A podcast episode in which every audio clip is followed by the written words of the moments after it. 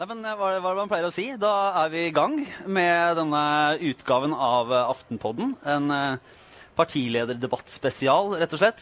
Eh, Jeg er Lars Glomnes, kulturredaktør. Sara Sørheim. Hallo. Hyggelig å ha på plass. Herlig å være her. sant? Ja. Trine Eilertsen, politisk redaktør. Ja, herlig. Eh, Det er eh, Ingen skulle tro det, men jeg har planlagt det her veldig veldig nøye i dag. Jeg tenkte bare jeg skulle starte med å altså, lage den lille, lille oversikten, da, sånn at eh, de som eh, måtte, måtte lytte og følge med, kan, eh, kan vite hva vi skal drive med.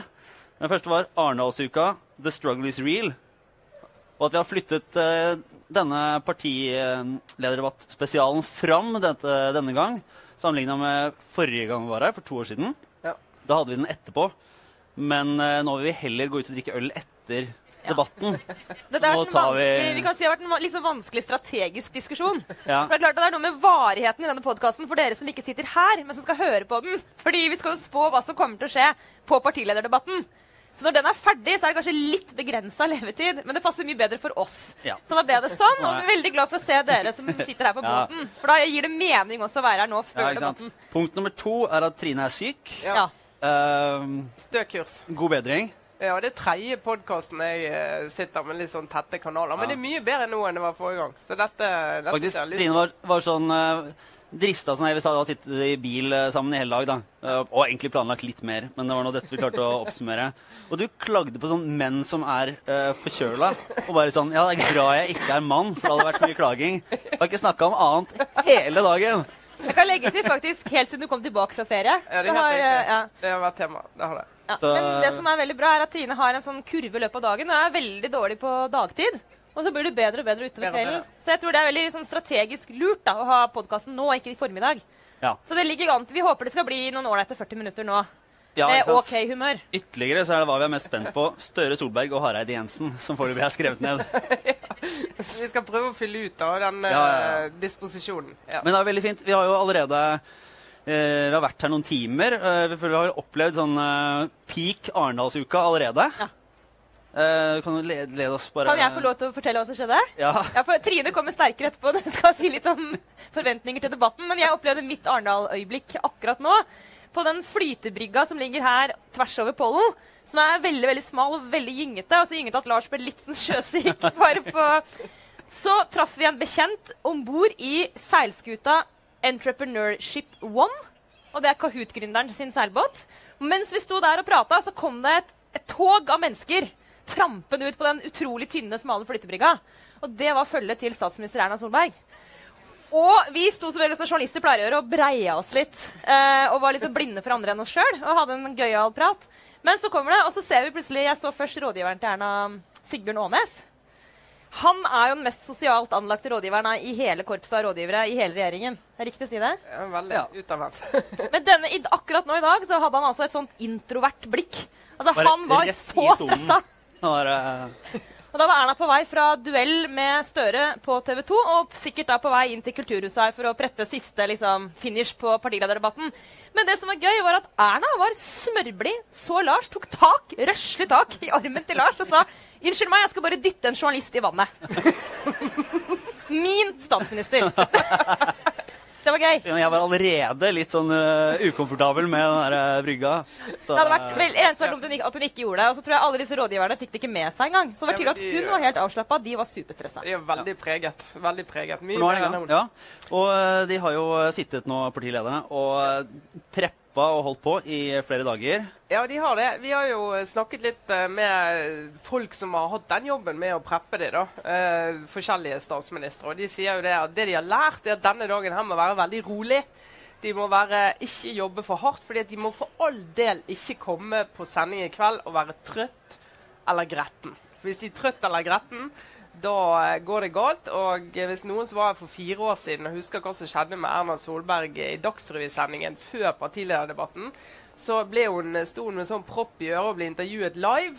Og så ble hun konfrontert med en sånn NHH-masteroppgave som sa at formuesskatt det er slett ikke dumt. Og da ble hun til slutt så sur på intervjuene at hun rev ut ørepluggen live på norsk fargefjernsyn. Og gikk! Og du vet, rådgiverne var sånn Nei! Det var feil eh, oppkjøring til, eh, til partilederdebatten. For da får liksom eh, seerne og velgerne sånn inntrykk av en litt sånn sur og trøtt og gretten statsminister, og det liker de ikke. Hun var jo ikke statsminister da, hun var utfordrer. Men nå, da tror jeg ting tyder på altså, Da kan vi allerede slå fast at humøret nå må være bedre enn den gangen. Tilsynelatende lavere skuldre i dag, skal sies. Ja, det er vårt stykke gravende journalistikk. som vi har Det kan, jo ha, ja, det kan jo ha mye å si. Det var jo også i, For to år siden så var det jo Jonas Gahr Støre som starta valgkampen med den litt sånn uoffisielle eh, duellen eh, mot Solberg på altså Egentlig arrangert av partiene selv, men jeg husker. jeg. Ja, Et par uker før eh, Arendal, og det Ja. gikk ikke så bra for Støre. Han ble litt eh, slaktet egentlig av alle, og tåkefyrstebegrepet kom. og og da var det jo Hele spenningen her det handlet om greier han å løfte seg nå. Greier han å være tydelig og være en skikkelig utfordrer. og Det gikk jo, det gikk jo bra, men det henger jo ved. og Det er jo derfor akkurat denne debatten her er så viktig for, eh, for partilederne. For en del av de karakteristikkene og evalueringene de får i dag, de blir liksom hengende ved de gjennom valgkampen. Og de blir ikke helt kvitt det. Så det er ganske viktig for de å lykkes i dag. Det er mange som har eh, en del som står på spill i dag òg, ikke minst da Jonas Gahr Støre, som kommer inn der med en forferdelig dårlig måling fra før helgen. Eh, I Aftenposten. Var det 28,4 eller noe sånt? Ja, annet, eh, Der uh... Ja, så er vi jo litt forsiktige med å ta enkeltmålinger, men det som var litt spesielt med den målingen, var at den er en del av en trend. Arbeiderpartiet har falt de siste målingene. Og det er ikke gode nyheter fire uker før den store dagen. Og de ligger bak der de burde ligge egentlig for å ha en litt sånn god følelse på valgresultatet. Da kan det fremdeles bli regjeringsskifte, for Senterpartiet gjør det fortsatt bra. Det var jo en, en, en kilde i Arbeiderpartiet som sa til en kollega her at, at det er jo helt elendig. Etter fire år med Frp i regjering så skal Arbeiderpartiet ligge under 30 på, på enkelte målinger. Det burde vært 4-5 prosentpoeng høyere enn det det er nå, Ja. hvis, eh, hvis ting ville vært på skjema. da. Eh, og allerede før den målinga kom, så snakka folk i Arbeiderpartiet som var veldig De mente jo at ting gikk bra, og liksom, ja, alle signaler er gode og ting er på stell, men målingene reflekterer ikke det. Eh, og da skulle de nok gjerne hatt noe som ikke dro dem ytterligere ned. da. Ja. Og det betyr at det er viktig å, altså Han har en viktig jobb å gjøre i kveld. Han må, han må snu, han må vise at han, har liksom, at han er full av futt. Og det så ut som han var det på duellen på TV 2, som gikk nå klokka kvart på sju. Da Solberg og Støre møttes til eh, statsministerduell. Jeg vet ikke om dere som er her i Arendal så det, eller om dere var på bar. Men, men de to, eh, face to face eh, Min sånn kjappe vurdering er at Støre virka mest energisk og egentlig gjorde det best i den duellen. Men jeg vet ikke om dere er enig i det? Dette er litt sånn synsete? Ja, de, de hadde et møte i Oslo i forrige uke, Erna og Jonas, på en sånn frokostmøte som Civita arrangerte. Det var, de, duellerte de i en time. Uh, og da var Jonas et lite eh, hode foran uh, Erna Solberg, fordi at uh, han Altså, han var mye mer sånn variert i uttrykkene. Hun var veldig detaljorientert. og det er jo litt, eh, Vi vet jo litt om hvordan de tenker når de prepper de. De skal få frem den svake siden til motstanderen. Og Erna Solberg sin styrke og svakhet er jo nettopp denne detaljfokuset. Jeg snakka med etter den, eh, den duellen jeg så, og det, det gjelder jo, jeg syns det gjelder også for den, den man så på TV 2 nå nylig, at, at for de som ikke følger med veldig godt på politikk, så er det enormt mye informasjon. Det går veldig eh, høyt tempo. Ganske vrient å egentlig forstå hva de snakker om hele tida. Eh, det var eh, i enda større grad tilfelle for Erna Solberg på den Civita-debatten i forrige uke. Jeg syns Støre var best når han senker tempo, er litt mer pedagogisk, litt lettere å forstå. Og så snakket jeg med noen rådgivere som har vært med å, å preppe Støre i forkant av den forrige og i forkant av den nå. De har jo sagt at, at det som har vært viktig for, eh, for han, da, er å først og vise at han kan mange ting. For han har blitt anklaga for å være lite konkret og for å være en tåkefyrste. Eh, for å på en måte ikke ha detaljene, eller være ja, bare rund. Eh, Så det er viktig å vise at han kan noe. Og så er det viktig å variere tempo, så det kan man jo følge med på om han får til. At han har både seksjoner der han da er roligere, er mer pedagogisk, mer liksom forsiktig og tydelig og klar. Eh, og noen perioder der han setter opp tempo og gir liksom intensitet. For det, jo, det liksom drar jo folk med også følelsesmessig når noen er, er mer engasjert. da. Og det variert. Og så sa han noe som var interessant, som jeg ikke hadde tenkt på uh, da, egentlig. var at, eh, at de også prøver å få ved få Erna Solberg til å framstå som veldig detaljorientert og til dels sutrete, fordi hun er, mener de, da, en litt sånn er kon konkurrerer om å vise hvem som kan mest. Ja, og Det er, den- er akilleshælen til begge to. Det er den når de blir sånn 'Jeg kan dette. Nei, jeg kan dette. Nei, jeg kan dette.' Og så Ja. begynner de å gnukke på detaljer som går liksom høyt over hodet til nesten alle som hører på. Det var tendenser til det nå i duellen eh, for en time siden også. Ja, og der, der mente, det mente at det var, det var verdt for Jonas Gahr Støre å være litt detaljorientert, fordi det kunne få Erna Solberg til å drive ja, skulle måte vise seg fram og bli mer heseblesende, bli mer intens og masete og, og kanskje litt sur. Og da, det er da, da Arbeiderpartiet Dette- så, henne, så hennes svakheter, da. Men det er litt sånn som eh, Det er jo litt sånn Drillo-taktikk. Du er kanskje ikke, du er ikke så veldig ja. flink til å spille fotball, men hvis du gjør motstanderen skikkelig dårlig og bare ødelegger spillet til motstanderen, så kan du likevel komme unna med 0-0 og kan slumpe til å score på slutten og faktisk vinne 1-0. Og det tok jo Norge til VM, men ikke så særlig mye lenger, da. Nei, det var det. Men, men, eh, og det er jo morsomt, det, Lars, for jeg snakket jo med en tidligere Høyre-rådgiver så sa de at hadde jeg vært eh, i Arbeiderpartiet, så hadde jeg prøvd å få Erna ut på det med detaljene og få henne til å bli litt sånn oppramsende og teknokratisk. Hun kan jo alle sakene ned i detalj. Eh, blir aldri, veldig sjelden, om noen gang, tatt på fakta. Eh, men når du er i en sånn debatt, så skal du også forføre folk. sant? Du skal snakke litt store ord, litt visjoner. og Du skal liksom bruke patos om du vil, og fortelle dem hva type samfunn du ønsker deg. Og ikke bare sånn ja, vi brukte tre milliarder mer på det, og så var det syv på det, og så var det sånn, og så var det sånn. Og Det var lærlingtilskudd. Og så, Lærlingtilskudd, det var så mye høyere. Hvis du bare holder på med det, så er det tror jeg veldig mange som ikke er veldig opptatt av lærlingtilskudd. De bare får sånn uh, Det suser forbi, og de sitter ikke her med en følelse etterpå. Det må de jo gjøre når du ser en sånn debatt. at du må du skal lære litt, men du skal også føle litt for, eh, for et budskap som du har hørt. da. Men det, det blir spennende å se hvordan det slår ut. Fordi uh, Støre var utrolig offensiv nå på TV 2. Kanskje han er for offensiv òg. Han sa sånn eh, selv om, du er en, selv om du er avgående statsminister, må du fortsatt kunne lytte. Sånne type ting til eh, Solberg. Sånn helt innlært, sånn eh, herlig frekt. Sikkert noen syns det er gøy, men hun sto veldig sånn stoisk og tok imot det. Og kanskje er det egentlig vel så smart at hun liksom utstråler litt sånn Du kan gjerne være frekk, jeg må styre landet. Sånn hold kjeft, liksom. Det, og det er litt Bare, ja. Var den, var den satt til Heikki Holmås? Den derre Hold kjeft, den lille friskus. Sånn, Ja. sånn, eh, tar den til Støre i dag. så bare- Ja, ja gjør det. Men det er, litt, det er litt eh, spennende i kveld, fordi det er jo eh, de to statsministerkandidatene vi har. Men det litt rare nå er at de er ikke nødvendigvis de to som kommer til å dominere debatten i kveld. Eh, kanskje får de mest taletid, men det er jo andre partiledere som har vind i seilene, og som har fått også nå en, eh, et opplegg til Smash på, fra NRK. Ja. Eh, F.eks. Siv Jensen. Det skal vi liksom bevege oss litt videre til. Det er jo både Siv Jensen, Jensen og ikke minst Trygve Slagsvold Vedum, som jo er på hver sin måte noen jokere her. da, og Kommer de til å liksom ta sola til Støre og Stoltenberg? Nei, oi, oi, oi. Nå sa jeg Stoltenberg. det hørte dere ikke. Nei. Det som eh, jo blir spennende, det ene er, eh, er Senterpartiet, tenker jeg. da, og som, som lurer på, er jo om Trygve Slagsvold Vedum kommer til å måtte, breie ut appellen sin. Han er jo en, en debattant som i partilederdebatter ofte snakker rett inn i sitt kjernepublikum, altså Senterpartivelgerne. Og så kan de som ikke er Senterpartivelgere, og en del eh, aviskommentatorer som skal uh, kaste terning og, og se noe annet, si at han er litt sånn på sida eller ikke har, har truffet. Det var jo påfallende at han i forrige valgkamp ble slakta av nesten alle uh, for innsatsen sin i disse debattene. Og så har det jo vært et ja, Hvis man skal tolke det i beste mening, da, så har det i hvert fall virka som man har en del av en, en lengre strategi for å, for å snakke om de temaene som de har vil presse fram på dagsorden. da, som har vært, som, ja, ok, Du maste om sentralisering i 2015, ingen som gadd å høre på deg. Men utover vinteren i fjor og våren i år så har det blitt det store temaet. Ja, og han må være den som går inn i kveldens debatt med høyest selvtillit. Altså han, det, er, det er eneste som vel er helt sikkert, var det en, en kilde i regjeringen som, eh, som sa at alt er veldig volatilt. Fint fremmedord, men det er, det er veldig vanskelig å spå. Det eneste som er helt sikkert, er at den Senterpartibølgen den er reell. Den kommer til å få et utslag på en eller annen måte ved valget. Spørsmålet er hvor store de blir, eh, og hvor, hvor, en, altså hvor sterk samarbeidspartner i en eventuell eh, Arbeiderpartiregjering Senterpartiet vil bli. Men, men at de kommer til å gjøre et OK valg, det, ja, det tror jeg Eller nå skal vi ikke si at noe er sikkert, da, sånn som ting har blitt. Men eh, det virker relativt trygt. Så han må i hvert fall ha en viss selvtillit inn i debatten.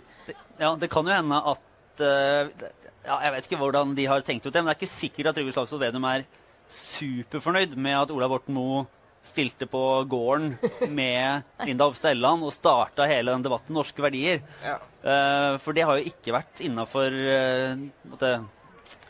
kommunikasjonsstrategien, sånn som det har vært fra, fra Vedums eh, side Nei, tidligere. i hvert fall. Og ja. nå er det jo nettopp da Knut Arild Hareide og Siv Jensen som skal ha den store duellen i debatten i kveld. Det, det, er interessant, for det blir et tema i uh, den første partilederdebatten. første viktige partilederdebatten, Og det er nesten ingen partier som har interesse av det. Altså Høyre har ikke interesse av det. Og, og hvordan Linda Hofstad Elleland klarte å virre seg inn i den problemstillingen, det er for meg et mysterium. Og Arbeiderpartiet har egentlig ingen interesse av det. En, Hadia Tajik oppå den fjellformasjonen. fjell... Oh. Snakke om det? Det, det er bilder vi aldri kommer over, vet du. Og Senterpartiet har egentlig ingen interesse av det. Eh, SV har ingen interesse av det. Venstre har ingen interesse av det. Det er to partier som har interesse av det, og særlig ett, og det er Frp. Og i dag Sylvi Listhaug sier sånn det, det, Og når de kaster seg inn i det, så fremstår det nesten litt så emosjonelt. Altså Mer enn strategisk, så er det emosjonelt. Og det, det går jo an å like å si. Det er fint at politikerne liksom ikke bare tenker strategi og taktikk, men liksom hopper inn i debatter fordi de faktisk føler for noe og brenner for noe. Nå, så har jeg vært partitaktiker så sagt jeg gjør gjerne det, men kan du ikke gjøre det i februar? ikke i august rett før valget. Trine, så, kan du føle i februar? Altså. kan du please bare jobbe i august? ja, må du jobbe for vårt felles mål. Men Frp de har jo interesse av det, og Sylvi Listhaug eh, har jobbet for det. Fordi de gir dem mulighet til å snakke om innvandring. Og innvandring er jo egentlig ikke en et tema nå som er altså For to år siden var det et kjempetema pga. flyktningkrisen. Og vi snakket om det her også i partilederdebatten. Eh, nå er det ikke det, men dette er jo en veldig mulighet for eh, Frp til å få det på dagsordenen, til å snakke om hvordan eh, innvandring eh, truer norske verdier. Vi traff eh, nettopp en Frp-rådgiver som sa at jo da, de har preppet på det i dag òg, kommer til å snakke om det. Eh, og så skal Knut Arild Hareide få snakke til sitt grunnfjell, pluss alle de andre som ikke deler Frp sitt syn på denne trusselen. Og de får eksklusiv tid i debatten. Det, men, det kaller jeg uh, innertier. Altså. Ekstatiske når de skjønte at dette kunne fungere. Sånn ja, ja, Sylvi Listhaug kan skape litt konflikt og splittelse med sånn sleike imamer opp etter ryggen-gate. Men uh, alt, det ordet har vært sagt altfor mye. Ja, Ikke si det, du også. Vi bare kommer til å si det hele tiden nå, fordi vi bare prøver å unngå det. Vi vil ikke snakke mer om sleiking av noen, hvis det er greit. Ja. Men det som irriterer meg, er at det bare hadde ikke vært for den derre ja, Vi må ikke begynne dette igjen, vi kler ikke å bli, bli altfor sure. Men den derre pilegrimsturen da, ja. som noen tok, kulturministeren dro oppover Norge Hadde ikke hun ramla inni den Går det bra? Mm. Er du litt syk, eller? Er du ja, hadde ikke Helleland snubla innom gården til Ola Borten Moe, hadde ikke en VG-journalist klart å lage den saken, så hadde vi ikke hatt denne debatten om norske verdier. Da kunne vi snakka om noe som faktisk er eh, litt sånn viktig og reelt, og en sak som kanskje også splitter partier. Som kan flytte litt velgere. Altså, det er jo en tulledebatt at de skal ha den duellen eh, på partilederdebatten. Det rare er det, det, det hele den norske verdidebatten som har tydeligvis det var tydeligvis noe riktig i det, fordi folk har vilt snakke om det. Og det, det, ligger der. Men eh, etter det jeg har forstått, så var det ikke noen sånn klar oppfatning i VG om at den saken kom til å sette legge premissene for hele resten av valgkampen. Det var litt sånn av de, den type saker sånn Ja, ja, du ramler innom gården til Ola Borten Moe, da. Linda Helland her. Skal jo snakke om et eller annet. For fine bilder og spise vafler og Men jeg må si, det er Kanskje hatt noen flere kritiske spørsmål, men det får nå bli en liten sidetopp. Og så bare og litt sært, selvfølgelig, med Høyre og Senterpartiet sammen på tunet, men det ja. Jo, men det er, jeg bare må si, altså det, det, er jo noen politikertyper som er litt sånn De, de slutter altså Det er litt sånn politikkens Kjell Bekkelund. Som liksom slutter i politikken, men aldri egentlig slutter i politikken. Og Ola Borten Moe er jo kroneksempler på det. Altså Det blir alltid Han bare Han er jo nestleder av Sara i partiet. I Senterpartiet. Nei, men altså ikke jeg sitter på Stortinget, da. Ja, Det er det som teller, er det ikke det? Ja, det òg. Men i valgkampen teller det jo ja, ja. at du har tun du kan invitere folk inn på og gi dem vafler med norsk brunost på. Ja. Jo, men jeg syns poenget var godt, selv om det var slumsete fordi, fordi han klarer alltid å få et oppslag. Han er en sånn fyr som bare Selv om han sitter på gården og bare egentlig sitter på gården og åpner døra og steker vafler, så, liksom, så, har han den evnen til å bare si ting som fyrer opp folk. Han ja. er en polariserende politiker som har en sånn uh, tabloid-teft. Som antageligvis er uh, Han er opptatt av norske verdier. Han har jo snakket om dette i valgkamp etter valgkamp. Og med Søberg. Men, ja. ja. Men, uh, men jeg, tror, jeg, tror, alle involverte i den seansen tenker at her traff vi noe, men det kunne vært det som har skjedd nå også, er at Vi snakker om den debatten vi egentlig syns er helt teit, og det har vi gjort nå ganske lenge. Som ikke har noe med parti... Jo, det har litt med kveldens debatt å gjøre. Men se her, vi blir sånn, vi også. Ja, for det vi egentlig ville snakke om, hadde vi fått velge, så var det jo skatt. Ja, og kommunereform. Ikke minst. Men skatt, Trine, det kommer til å bli Skatt blir jo tema. Ja. Blir jo tema. Jo Hva et- kan vi forvente? Eh, Nei, jeg- jeg- vi fikk en liten, eh, liten forsmak nå på den uh, duellen mellom eh, Erna Solberg og Jonas Gahr Støre på TV 2. eh, hvor eh, litt av budskapet til eh, Solberg kommer til å være at til tross for skattelettene tar vi inn 65 milliarder mer i skatt enn vi gjorde eh, da vi tiltrådte. For å få inn den at vi får aktiviteten gjør faktisk at du får flere i gang og får større skatteinntekter. Og Det er et sånn eh, poeng som jeg tror vi kan regne med at hun kommer til å kjøre ganske hardt på. Og han skal jo kjøre på at også han, som den eh, formuende mannen der nede, betaler skatt. Og det skulle bare mangle. Han er sånn min skatt med glede. Eh, Støre sa jeg har betalt hva var det, 1,8 millioner i skatt. Og det er ingen grunn til at sånne som meg skal bli nullskattytere. Det, det var en smart måte å bruke sin egen eh, formue på. Han sa til og med sånn 'Jeg har formue'. Med sånn Ikke noe flau for å si det. Veldig sånn, litt sånn tilkjempet Bruk, brukte noen år på å finne en form på hvordan det skal uttrykkes, men Ja. nå uh, Men eh, erkjenne det. det er jo noen jokere i kveldens debatt også, da. Eh, type som Bjørnar Moxnes, f.eks. Hoppa vi litt fort forbi skatten nå, Trine? Nei, ja da, nei, det er alltid mye å si om skatt. Det er det jeg Men vet. det, vi tar ikke si om det. Men, Jeg, jo, jeg lurte på en ting. Bare hvem tror du vinner og, og taper på den debatten? Eller er det både sånn at Høyre og Arbeiderpartiet kan, måte, kan mobilisere begge to? Er det, er, gagner det alle? Jeg tror begge de har interesse av det. Eh, fordi at altså, eh, Denne troen på om eh, at staten skal ta inn skatt og fordele pengene ut igjen og få i gang aktivitet, og hvordan du skal gjøre det, og det at eh, staten skal heller si at nei, nå skal bedriftene få beholde pengene og skape aktiviteten selv. altså Det er litt sånne bilder de bruker som egentlig er ganske forståelige, særlig når du er i en sånn omstillingstid og du skal prøve å eh, få i gang nye arbeidsplasser og ta vare på de som sliter. Eh, sånn at jeg tror faktisk at Og jeg merker at de har jobbet masse med pedagogikken. Både Støre og Solberg de er mye bedre på denne skattepedagogikken. Og det tror jeg har vært lurt. Å bare innstille seg på at valget må, vil måtte handle om skatt. Men nå må vi snakke om det på en måte som gjør at de som ikke liksom har gått på Handelshøyskolen og kan masse samfunnsøkonomi, eh, skjønner det intuitivt. Du er nødt til å bruke noen konkrete eksempler uten at det blir for teknisk.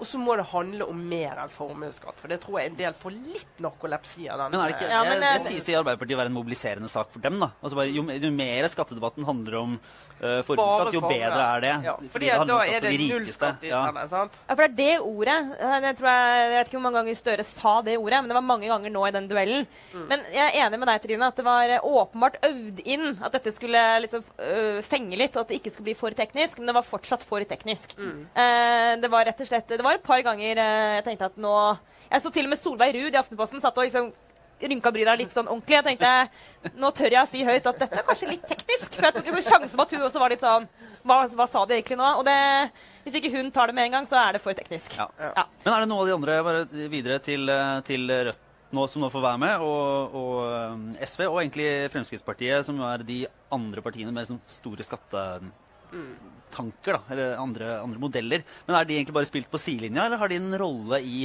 i skattedebatten sånn som det er nå?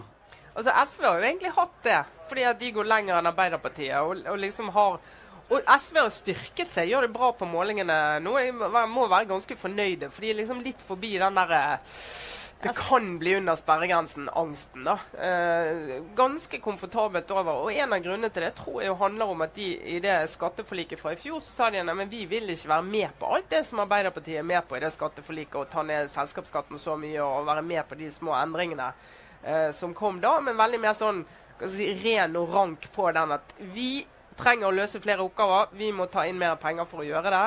Eh, og har nok vunnet litt på det, og hentet litt tilbake en del av de SV-velgerne som alle flokket seg rundt Arbeiderpartiet rett etter uh, valget i 2013 når vi fikk regjeringsskifte.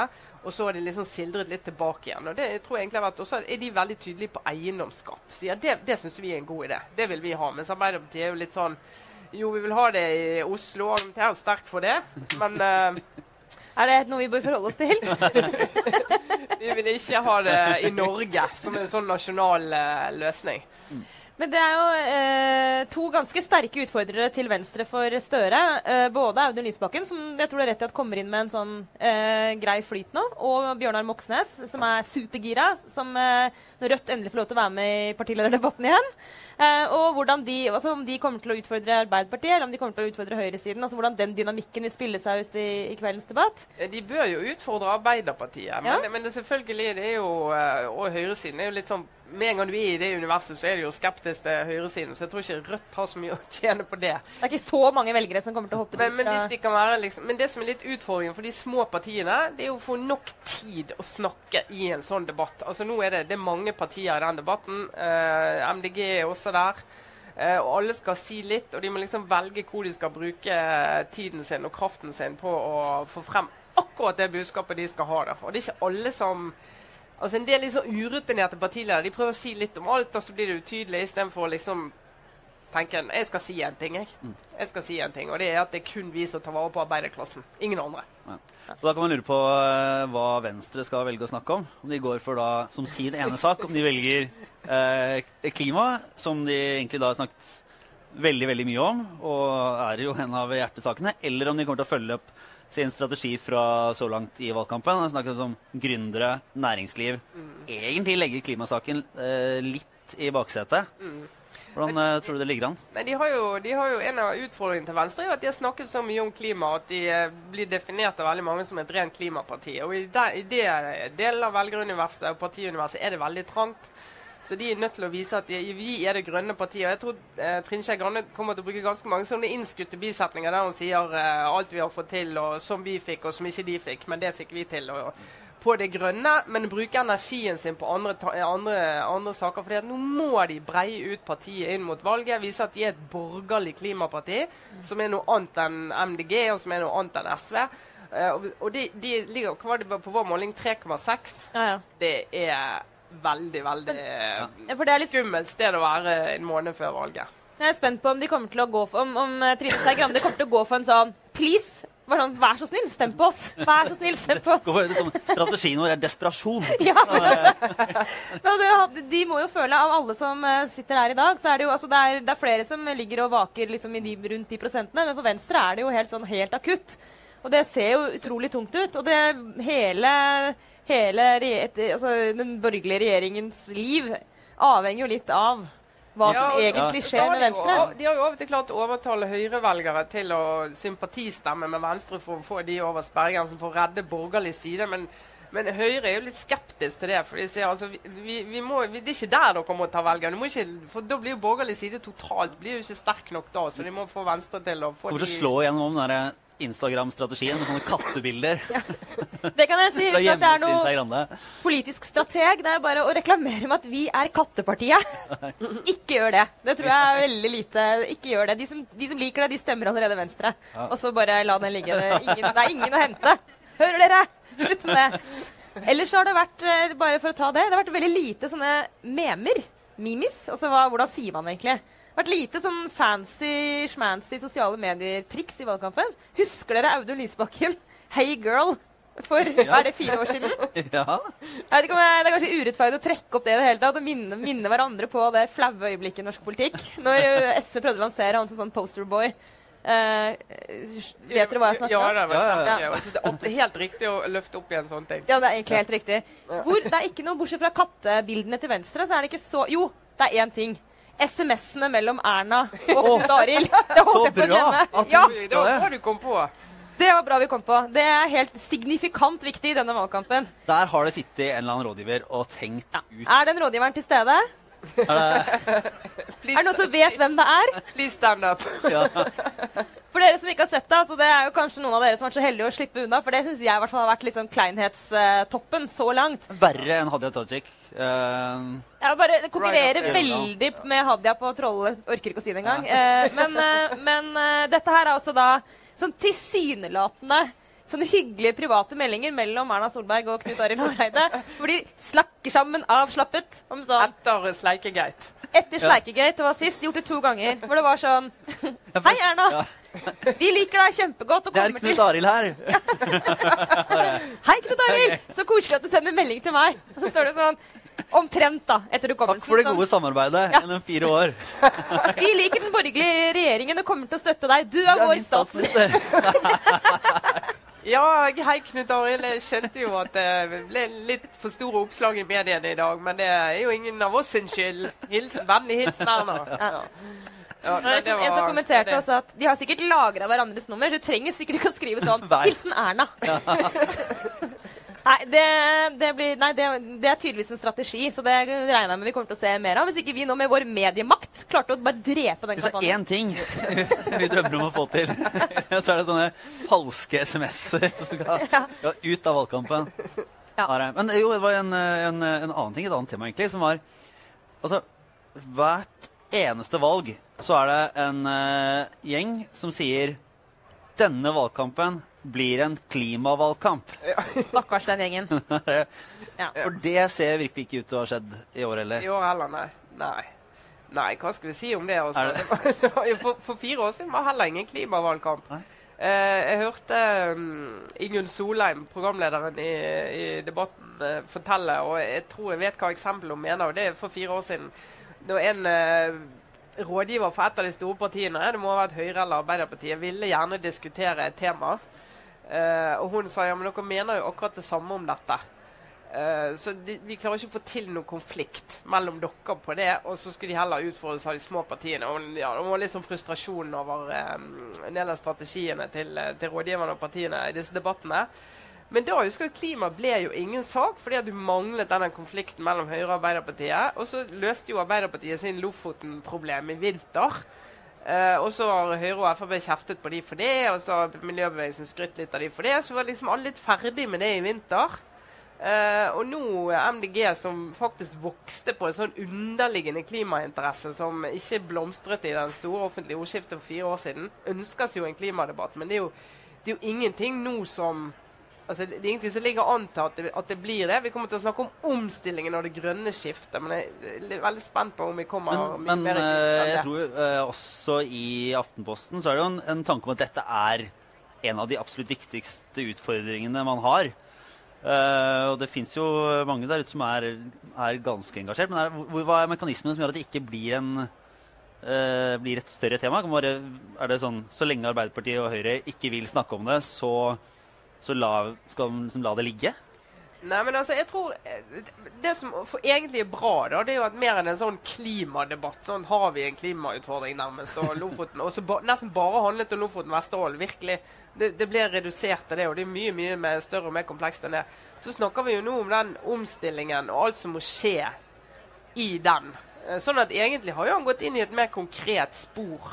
Eh, som du kan kalle en næringsdebatt eller en industridebatt. Men da er jo klimaperspektivet Hvis du ser på debatten her i Arendalsuken òg, den grønne dimensjonen i alle de debattene ligger der nå som mer sånn fast premiss. enn mer enn for noen år siden så måtte du diskutere nærmest om det var et premiss, om vi hadde råd til å gjøre det til et premiss. Så det er jo på en måte mer internalisert, internalisert i politikken. Da, det Det er faktisk et poeng.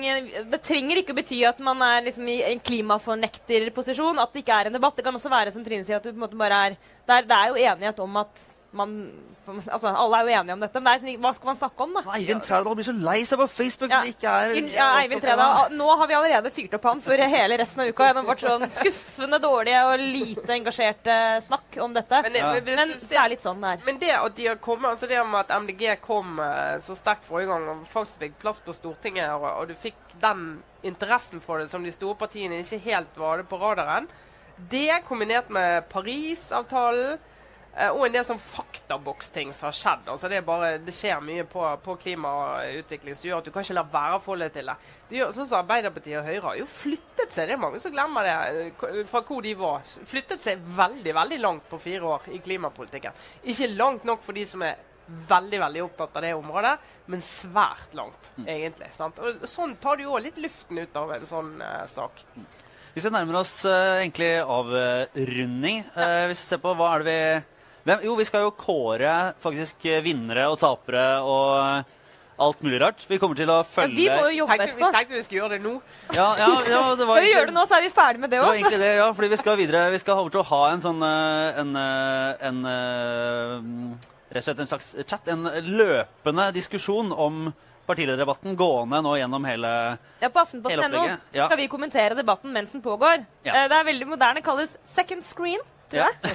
Bra kulturredaktør. Ja. eh, Så dere kan se på debatten, Veldig- kan dere lese hva vi mener underveis. Veldig påkobla. Jo, men også skal vi jo da kåre en uh, vinner og gi en dom. Men men uh, vi må jo uh, Skal vi spå? Ja, men vi kan ikke spå vår- egen, for det kan vi påvirke. Så vi kan spå VGs partilederdom. Hvem tror, hvem tror at VG mener kommer til å gjøre det best til slutt? Åh. At, at VG kommer til å vinne kåringen? Nei, Hvem kommer VG til å mene at det har vært den beste? Og jeg kan VG kommer til å gå. Ja. Det var snedig. Jeg, Jeg, tror, jeg tror de er litt sånn Støre-spor for tiden. Jeg tror Ja, det. Okay. ja. De har vært veldig sånn Erna på VG. Jeg tror de kommer til å være rause med Audun Lysbakken. tror du? Ja. Hvorfor skal de være det? Når ble, når det ble sånn se. 'vi er rause'. VG-verdi, det var nytt for meg. Det har jeg ikke vært borti før. Folkelig, derimot. Folkelig, åpen, modig. Det er, eh, Ja, det er sant. ja. Nei, det, jeg tror det er min, eh, min lille spådom, da. Jeg tror kanskje Siv Jensen kan gjøre det skrekkelig bra. Ja. Eh, hvis hun, men det er der, veldig der Dagbladet kan komme til å kåre hun Ja. som De er veldig glad i Siv Jensen. Fordi, eh, men spørsmålet er selvfølgelig om hun klarer å bli fremst altså, Hun har et Listhaug-problem, hun òg. For den eh, norske verdier-debatten, som- altså, når hun skal ut i den duellen, så er det en sak som Listhaug har eid. Så om Siv liksom klarer å ta, gjøre den til sin egen Men hvis hun klarer det, og fremstår liksom offensiv og kanskje ikke s- så kling crazy kokos som Sylvi Listhaug, unnskyld, så kan hun kanskje uttrykk, Litt farlig uttrykk. Kanskje litt sånn på kanten uproft å si. Men, men jeg tror Siv Jensen kan gjøre det bra. Og så tror jeg, hvis Jonas fortsetter på litt den derre jeg er rik, men stolt av det, jeg betaler min skatt med glede, og liksom bjudar på, så kan det gå veldig bra. Men hvis det blir for mye, kan det gå veldig dårlig. Riktig nivå på 'jeg er rik, litt stolt av det, betaler skatt med glede', Ja. Gud er på-nivå. Ja, i riktig der. Ja. Nei, men jeg lurer på om vi egentlig runder av med takk til alle fremmøtte. Takk for at dere holdt de- ut med oss i kulda ja. her på båten. Og de som har fulgt på Facebook Live og Aftenposten.no, og de som eh, da måtte ville ha dette helt på nytt, de kan gå, gå inn og laste ned podkasten etterpå. eh, der det også kommer nye utgaver, og kommer til å være her på torsdag. Torsdag formiddag skal vi lage en sånn eh, oppsummering av uka, i hvert fall så langt. Eh, og det blir også ukas Aftenpodden. Ja. Dette her er en slags bonus, hvis du kan kalle det en Bonus. bonus. Et ekstraspor. Her, uh, for vår uh, egen eh, fornøyelse og, uh, Ja. aktivitet. Ja. Ja. Nei, men med det, takk for uh, oppmøtet, folkens. Da